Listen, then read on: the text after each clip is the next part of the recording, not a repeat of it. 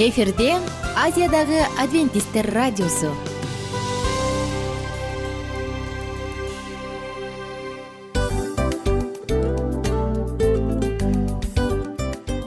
Достор салют. Баардык сүйүктүү угармандарыбызга салам айтабыз. Кутман күнүңүздөр менен. Ден соолук өмүрдүн булагы демекчи саламат саамы программасында баарыңыздарды көргөнүбүзгө абдан кубанычтабыз. Анда алгач амандашып өтөлү арбаңыздар деп. Ден соолугуңуздар кандай элибизде көбүнчө ден соолук кандай дегенде эле жакшы деп жооп беребиз э? ооруп турсак дагы жакшы дейбиз. Анан мен муну айтып ойлойт элем бул абдан сонун сөз депчи анткени бул жакшы деген үмүт да э баары жакшы болот. Баары сонун. Үмүттөнүп атып эле өзүбүздү өзүбүз дарылап коебуз. Анысы кандай? Сиздин дагы ден соолугуңуз жакшы беш деген үмүттөбүз чындыгында ден соолук бул өмүрдүн булагы деп бекеринен айтылган эмес деп ойлойм. Кыргыз элинде анткени эгерде ден соолук жок болсо анда адамдын жашоосунда калган баардык керектүү маңыздуу нерселер өзүнүн баалуулугун жоготуп коет. Ошондуктан ден соолук бул эң керектүү нерсе. Ооба туура айтасың кесиптешим чынында ден соолугуң жок бир эки үч күн ооруп калсаң эле э кандай болуп калат? Жашоодо көз каранды болуп каласың көп нерсеге жетишпей каласың көп нерсени кыла албай каласың жада калса эшикке дүкөнгө да чыга албай каласың. Туптуура анан ден соолук болсо демек биз биздин бактыбыз тотой деп койсок болот. Анда достор саламат саамы рубрикабызды баштайлы. Алдыда өзүңүзгө керектүү болгон сонун кеңештерди уга аласыздар. Мына ошондуктан биз менен бирге болуңуздар. Ал эми биз болсо милан жана айнура. Кеттик алга. Алга саламат саама ден соолуктун жарчысы. Саламат саама ден соолуктун ачкычы. Күн сайын сиз үчүн мыкты кеңештер сонун жаңылыктар кызыктуу фактылар биздин рубрикада.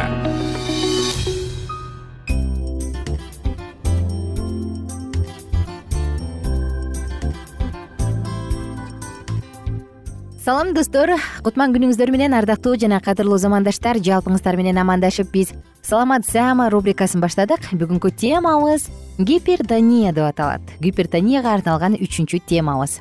Эсиңизде болсо мурунку уктурууларыбызда гипертониядан банан манго өндүрүлгөн буудайдан жасалган бир смузи жана кийинки смузи сыя көк түстөгү жүгөрүдөн жасалган смузи болчу. Эми бүгүнкү айта турган темабызда дагы албетте маанилүү кептер бар жана сиздер үчүн дагы сонун бир смузи менен бөлүшүп бермекчибиз. Биз менен бирге болуңуздар алдыдагы мүнөттөр сиздерге жагымдуу маанайды тартууласын артериалдык кан басымдын жогорулоосун адатта медицинада үнсүз ажал деп коюшат. Элестетип көрүңүз негизи гипертония же кан басымдын жогорулоосу адатта жашы өтүп калган адамдарда көп кездешет. Жөнөкөй тил менен айтканда денеде айланган кандын басымы күчөп артериялык кан тамырлардын бооруна жасалган кысымды гипертензия деп аташат. Дартты убагында дарылабаса жүрөктүн иштеши бузулуп инсультка бөйрөктүн иштебей калуусуна чейин алып жеткирет мындан он жыл мурда изилдеп көргөндө кыргызстандагы ар бир онунчу кишиден гипертензиялык оорулар чыккан. Андан бери изилдене элек экен. Бирок азыр абдан абдан көбөйүп кетти. Өзгөчө жаштар арасында гипертонияга чалдыккандар арбын дешет дарыгерлер. Караңыздарчы бизде азыр бул тукум кууган өнөкөт ооруга айланып бара жатат? Тукум куучулук бул анын көбөйүшүнүн биринчи себеби. Коркунучтуусу экинчи себеби туура эмес тамактануу. Анан жумуш үйдөгү стресс дагы кан басымдын жогорулашына себеп гипертониялык оору жөнөкөй тил менен айтканда даракты тымызын жеген куртко окшош. Биринчи кезекте көздү жабыркатат жүрөк бөйрөк анан бут жарабай калат. Мына ушул органдар кан басымдын жогоруласынан эң көп зыян тартат. Жүрөк оорулары инфаркт инсульт жана бөйрөктүн жарабай калып гемодиализди талап кылуусуна дагы дал ушул гипертония жеткирет достор. Белгилерин айта турган болсок баштын катуу оорусу биринчи белги адатта кан басымды текшергенде адистер эгерде анын даражасы жүз отуздан жогору болсо кооптуу коңгуроо экенин эскертишет. Бирок кан басымдын жогорулап кеткенин билбей эле жүрө бергендер көп э? Башым ооруп атат башым ооруп атат деп. Экинчи анан кийин чыкый ооруйт кежегеден ылдый тартып жүрөктүн кагуусу тездеп адам кыйналат. Дагы башка ар кандай белгилер бар бирок көп адамдар аны түшүнө беришпейт. Эмнеден улам чарчап жатканын капаланганда эмнеге баш ооруп жатканын билбей эле бул дартка чалдыгып калышат алдын алууну айта турган болсок америкалык кардиологдор бирикмеси биринчи кезекте тамакка кошкон туз менен соданы азайтышты сунушташат. Эгер бул заттардын өлчөмү бир күндө бир бир миң беш жүз миллиграммдан ашып кетсе анда коркунуч фактары жаралат. Жаныбарлардын майы алкоголь чылым тартуу дагы ооруга шыкак болот. Жаныбарлардын майын эмес мөмө жемишти көбүрөөк жеш керек дешет адам эми жырткыч жаныбар эмес дагы. Өсүмдүктөр менен эле жанын багып кете алат. Туздуу тамак ашты чектеп алкоголдун өлчөмүн азайтуу зарыл өзгөчө арак ичкендерге айтар элем. Эркектерге күнүмдүк отуз грамм аялдарга он беш грамм деген норма дешет. Бирок бул туура эмес. Негизи эле жалпысынан аракты ичимдиктерди ичпөө зарыл. Арты барып эле гипертензия инсультка чалдыктырат. Анан бизде баягы кыргызда дарыны көп убагында ичүү маданияты жок э дары эле эмес негизи эле бир нерсени туура кармоо адаты жок болуп калат тилекке каршы. Ошондуктан бул нерсени эске алып колдон келишинче өзүбүздүн ден соолугубузга кам көргөн зарыл. Кан басымдын нормалдуу болушу үчүн биринчи кезекте жеген ичкен тамакка кылдат карап экинчиден адам дене тарбия көнүгүүлөрүн аткарып кыймылдуу жашоосу зарыл. Ошондой эле адистер ашыкча салмакты дагы эң чоң фактор катары белгилешип семирип кетүүдөн жана ашыкча стресстен этият болууга чакырышат мына достор ушундай. Эми бүгүн биз сиздер менен бөлүшө турган смузи бул кан басымды калыпка салуучу сок деп аталат. Сок. Мындай сок эмнеден жасалат? Биринчи кошулуучу ингредиент бул кызыл кызылча. Ооба достор кадимки эле кызыл кызылча. Анын курамында нитраттар бар алар кан тамырларды кеңейтет. Мына ошонун натыйжасында чоң адамдарбы кичинекейлерби гипертония менен жабыркаган баардык адамдардын кан басымы калыпка келет. Муну ньюкалс университетинин изилдөөчүлөрү улуу британияда атайын изилдеп чыгышкан дагы кызылчанын ушундай бир сонун керемет касиетин ачышкан бизде кызылча көп э абдан көп. Кенен мына ушул нерсени эске алыңыз. Кийинки кошулуучу ингредиент томат. Анын курамындагы фермент гипертонияга дары катары таба катары мыкты жардамчы. Жана селдерей чөбү ал зара кубалоочу жана адамдын организмин тазалоочу мыкты азык. Чөп чөп чар күнүгө дал ушул натуралдуу кадимки эле табигый сокту колдонуу менен сиз өзүңүздүн ден соолугуңузга кам көрүп гипертония оорусунда чоң жеңишке жетише аласыз. Эмесе дарылоо жасоо үчүн эмне керек? Эки порция үчүн эки жүз элүү миллилитрден эки порция үчүн.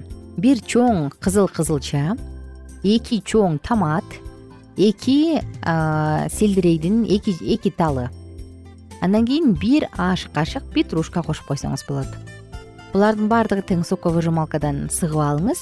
Андан кийин стаканга куюп үстүнө майдаланган майдаланган петрушканы салып туруп иче берсеңиз болду. Ден соолугуңузга мыкты жардамчы. Мындай сок кан артериалдык кан басымды төмөндөтөт кан тамырларды кеңейтет адамдын организмин тазалайт. Мындай соктун курамында фалат к витамини с витамини калий б алты витамини магний темир а витамини ниацин цинк. Мына булардын баардыгы тең кездешкен. Кан басымды э, нормага салуучу же регулировкалоочу сок албетте. Кан басымга кадимки эле кадимкидей эле абдан сонун таасир калтырат дагы аны өзүнүн нормасына алып келет. Андан тышкары канды тазалайт. Демек сиз жүрөк приступтарынан инфаркт инсульт жана башка баардык кан басымга байланыштуу болгон оорулардын баардыгын алдын ала аласыз достор биз сиздерге кааларыбыз оорубаңыздар өзүңүздүн саламаттыгыңызга кам көрүңүз өзүңүздү сүйүңүз. Анткени сиз жакындарыңызга керексиз. Сизди сиз сизди сүйгөн адамдарга керексиз. Ошондуктан эч качан оорубаңыздар демекчибиз. Кийинки уктурууда дагы дал ушул гипертонияга дагы бир смузи менен бөлүшүп беребиз достор. Андан кийинкисинде дагы гипертонияга арналган сонун дагы бир сонун сок менен бөлүшөбүз. Анан албетте ошону менен бул уктуруубузду жыйынтыктайбыз гипертония тилекке каршы акыркы учурда эң көбөйүп бара жаткан оорулардын бири ошондуктан. Жок дегенде биз айтып жаткан смузилердин соктордун бирин жасап ичип турганды адатка айлантып алыңыз. Коштошобуз коштошчу учурга келдик. Кайрадан кийинки уктуруудан амандашканча бар болуңуздар бай болуңуздар маанайыңыздарды эч нерсе түшүрбөсүн көп жашаңыз. Кайрадан саламдашканча достор күнүңүздөр көңүлдүү улансын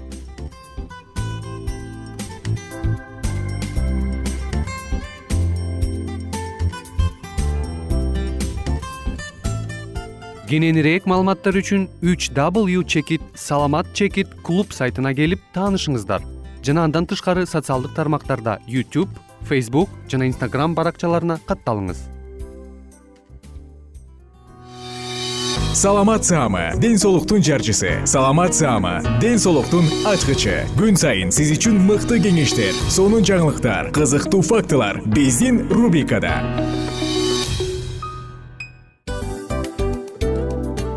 салам достор. Кайрадан биздин сүйүктүү рубрикабызга кош келиңиздер деп айтмакчыбыз. Баардык замандаштарыбызга арбаңыздар деп саламыбызды айтабыз. Улуу ушундай бир э, урматтаган учурашуу менен анан дил маек радио баракчабызга чакырабыз. Негизи дил маек биздин рубрикабызда эмне жөнүндө кеп кылабыз бул дил маектин мааниси эмнеде рубрикабыз менен кичине тааныштырып кетсеңиз. Сөзсүз түрдө тааныштыра кетейин кесиптешим суранычы боюнча бул учурда бул радио баракчада биз ар тарап кесип ээлеринен сонун кеңештерди алабыз сүйлөшөбүз сырдашабыз. Аталарыбыздын эжелерибиздин апаларыбыздын кеңештерин угабыз айтор. Жан дүйнөгө адамдын э, сапатына адамдын деги эле адам болуп жашашына керектүү баардык кеңештер алдыда. Негизи э, дил маек дегенде баягы эки адамдын ортосундагы сырдашуу кенен сүйлөшүү. Негизи эле биз адамдар бири бирибиз менен бир жерге жай жерге отуруп алып өзүнчө тынч э, жашоо жөнүндө өмүрүбүздө эмне болуп атканын бөлүшкөнү жакшы көрөбүз э адамдар. Ооба туура айтасың анан мындай учурга кээде убакыт да жетпей келет э? Же болбосо сырыңды кайгыңды муңуңду кубанычыңды айткың келет а адамга ишенбешиң мүмкүн. Ооба. А бул радио баракча угармандарыбыздын чыныгы досу. Анткени бизден алган кеңеш сиздин жашооңузга чоң жардам берет. Ал эми сиздин бизге айта турган сөзүңүз ортодо гана сыр бойдон калат. Ошондуктан биздин дил маек рубрикабызга дагы бир жолу кош келиңиздер. Жана биз даярдаган маалыматтарга даяр болуңуздар. Айнура жана милан сиздер менен бирге алдыга кеттик ар түрдүү ардактуу кесип ээлеринен. Алтын сөздөр жүрөк ачышкан сыр чачышкан сонун маек. Дил маек рубрикасында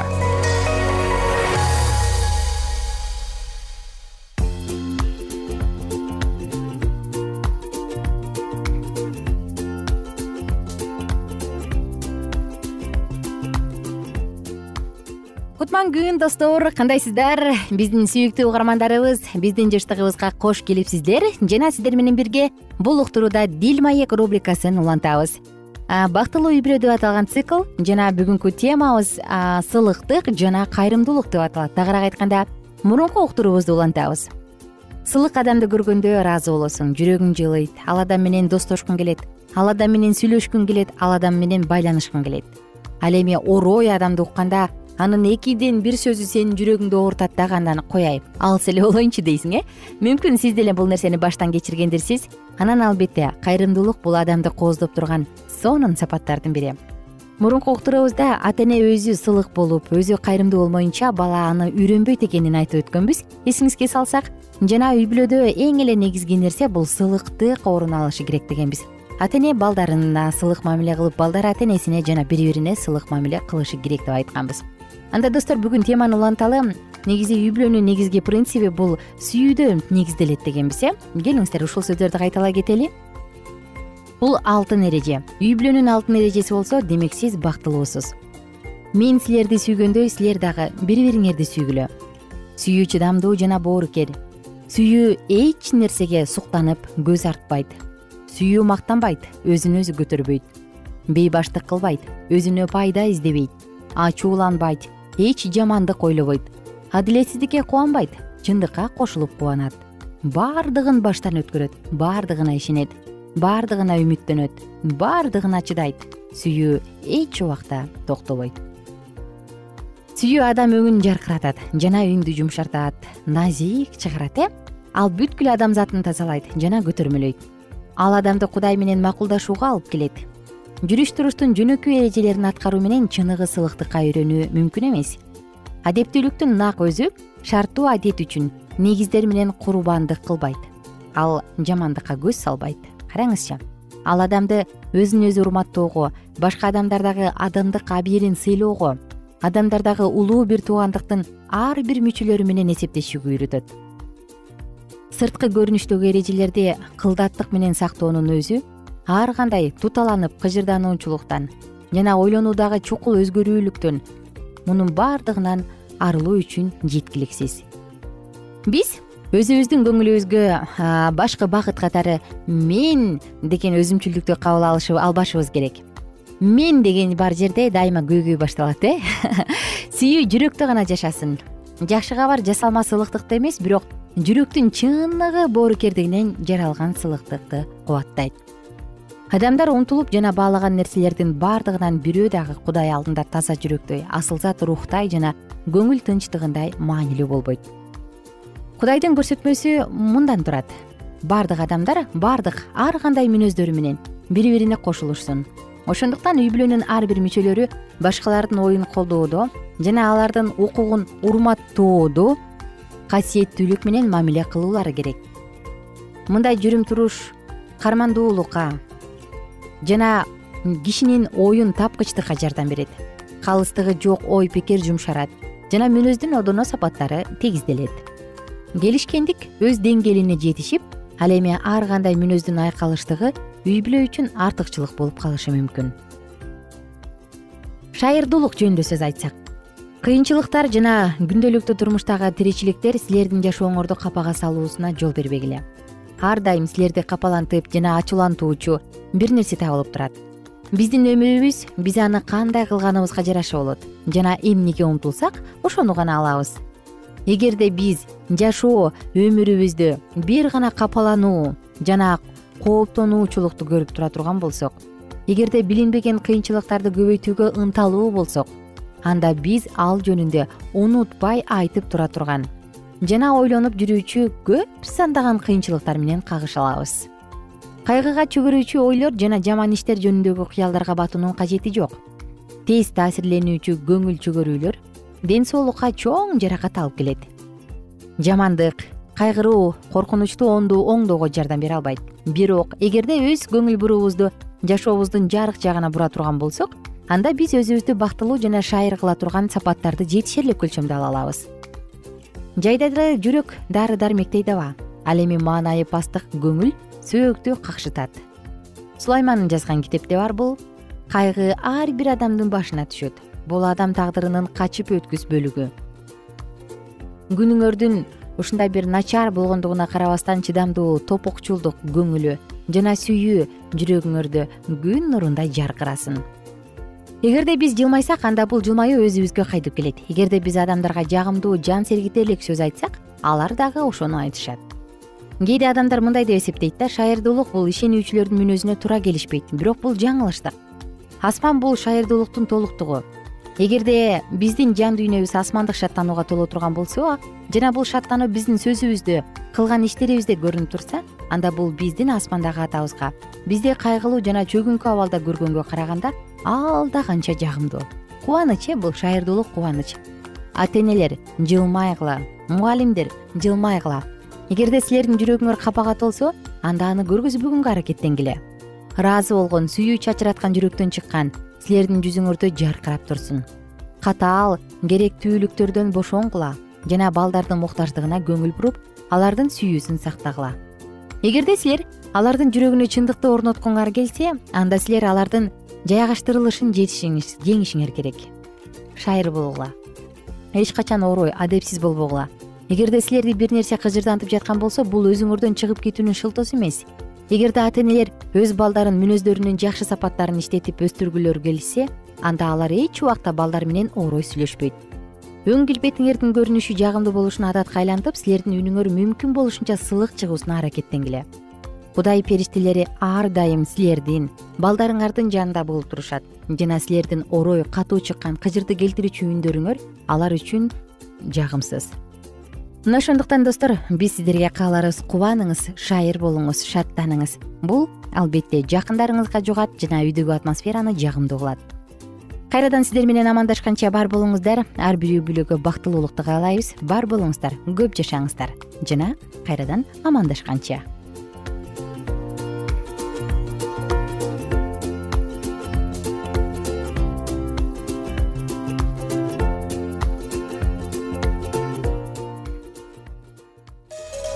ар түрдүү ардактуу кесип ээлеринен алтын сөздөр жүрөк ачышкан сыр чачышкан сонун маек дил маек рубрикасында.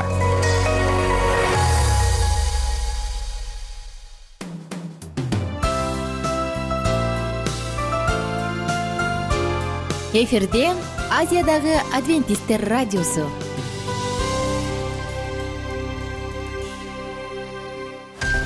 жан дүйнөңдү байыткан жүрөгүңдү азыктанткан жашооңо маңыз тартуулаган жан азык рубрикасы.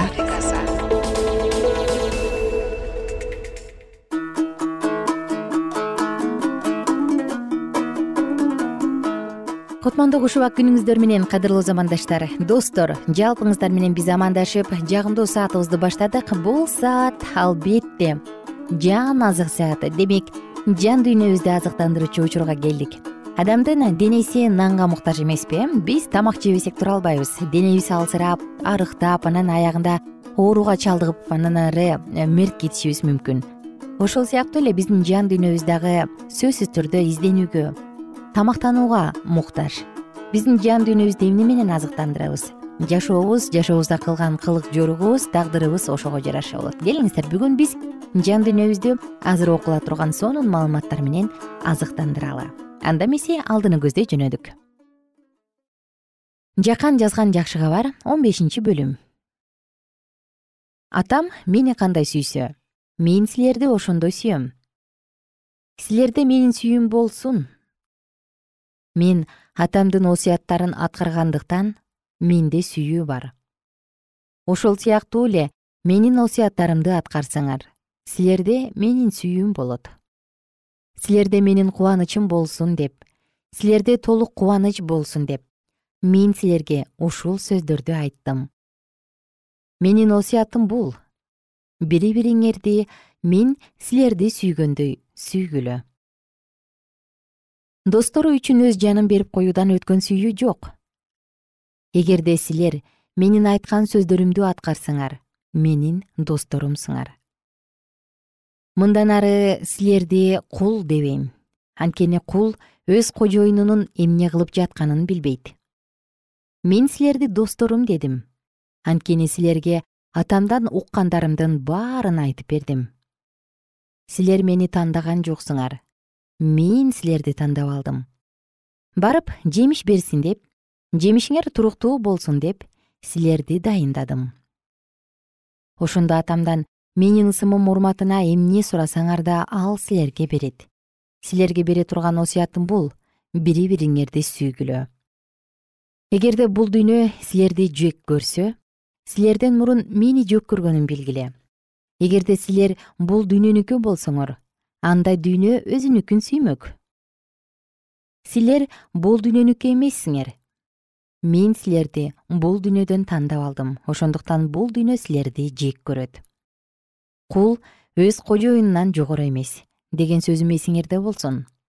Эгерде мени кубалашкан болсо силерди да кубалашат. Эгерде менин сөзүмдү угушкан болсо силерди да угушат. Мунун баарын силерге менин ысымым үчүн кылышат. Анткени мени жиберген кудайды билишпейт. Эгерде мен келбесем аларга айтпасам аларда күнөө жок болмок. Азыр болсо алардын күнөөлөрү үчүн кечирим жок ким мени жек көрсө ал атамды да жек көрөт. Эгерде мен аларга менден башка эч ким кылбаган иштерди көрсөтпөгөн болсом аларда күнөө жок болмок. Алар көрүштү бирок мени да атамды да жек көрүшөт.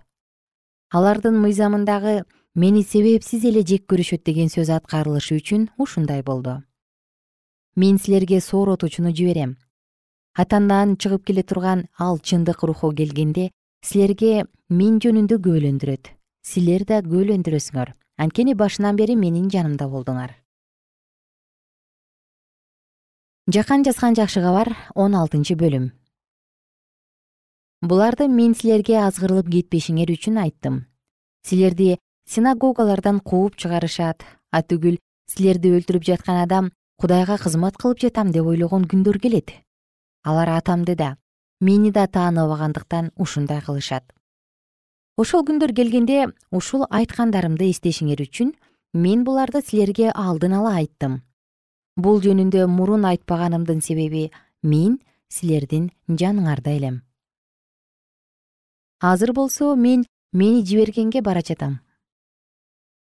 Бирок эч кимиңер менден кайда бара жатасың? деп сураган жоксуңар айткан сөздөрүмдөн улам жүрөгүңөр кайгыга толду. Бирок силерге чындыкты айтып коеюн менин кеткеним үчүн жакшы. Эгерде кетпесем силерге сооротуучу келбейт. Эгерде кетсем аны силерге жиберем. Ал келип бул дүйнөнүн күнөөсүн ашкере кылат адилдик жана келечектеги сот жөнүндө билдирет. Бул дүйнөнүн күнөөсү мага ишенбегендиги. Адилдик менин атама бараткандыгым. Мындан ары силер мени көрбөйсүңөр. Ал эми сот бул дүйнөнүн төрөсү шайтандын соттолгондугу. Силерге айта турган сөзүм көп бирок азыр силер түшүнө албайсыңар. Чындык руху келгенде силерди чындыкка үйрөтөт. Ал өз атынан сүйлөбөйт. Эмнени укса ошону айтат жана силерге келечекте эмне болорун билдирет. Ал мени даңктайт. Анткени менден алганын силерге берет атамда эмне болсо ошонун баары меники. Ошондуктан мен менден алганын силерге билдирет деп айттым. Бир аз убакыттан кийин силер мени көрбөй каласыңар. Дагы бир аз убакыттан кийин кайра көрөсүңөр анткени мен атама бара жатам. Ошондо ыйсанын кээ бир шакерттери бир аз убакыттан кийин мени көрбөй каласыңар дагы бир аз убакыттан кийин кайра көрөсүңөр атама бара жатам дегенин кандай түшүнсө болот бир аз убакыттан кийин дегеним эмнеси эмне жөнүндө айтып жатканын түшүнгөн жокпуз дешти ыйса алардын эмне жөнүндө сурагылары келип жатканын билип мындай деди. Бир аз убакыттан кийин мени көрбөй каласыңар. Дагы бир аз убакыттан кийин кайра көрөсүңөр деп айтканым жөнүндө бири бириңерден сурап жатасыңарбы? Чындыкты силерге чындыкты айтып коеюн силер боздоп ыйлайсыңар. Бул дүйнө болсо кубанат. Кайгырасыңар бирок кайгыңар кубанычка айланат.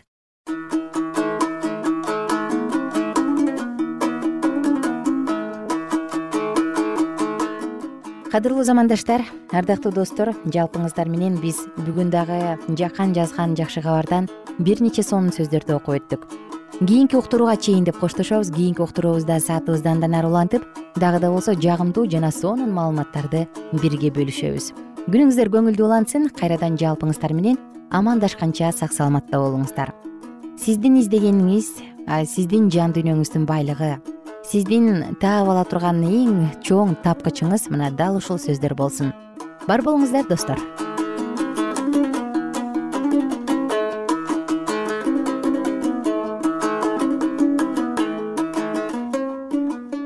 Эгер сиздерде суроолор болсо же көбүрөөк маалымат билем десеңиз анда биздин whatsapp номерибизге жазыңыз плюс бир үч жүз бир жети жүз алтымыш алтымыш жетимиш. Кайрадан плюс бир үч жүз бир жети жүз алтымыш алтымыш жетимиш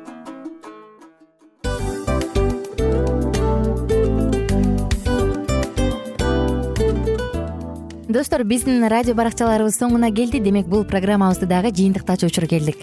Учурга келдик. Анан кесиптешимен сурагым келип турат. Негизи эле иштин башталып атканы кубандырабы сени же жыйынтыгы кубандырабы албетте жыйынтыгы. Себеп дегенде сен кылган ишиңдин жыйынтыгын көрүп э, баягы мөмөсүн көрүп дегендей жыргайсың жүрөгүң жемишинен тартып э? Кандай даамдуу деп. Баягы буудай сепкенде эмес буудай эгинди жыйнагандан кийин ысык нанды жегенде кадимкидей ырахаттанасың го. Ой айтпа туура айта кеттиңиз. Сонун салыштыруу болду анан мен дагы абдан кубанып турам анткени биз угармандарыбыз үчүн аябай эмгектенип келген уктуруубуздун соңуна келип калдык анан эми э, уктуруубуздун соңунда угармандар кандай пайда алып калды экен деп күтүп турам да. Балким э, менин жашоомо өзгөрүү киргизе турган сонун сөздөр болду.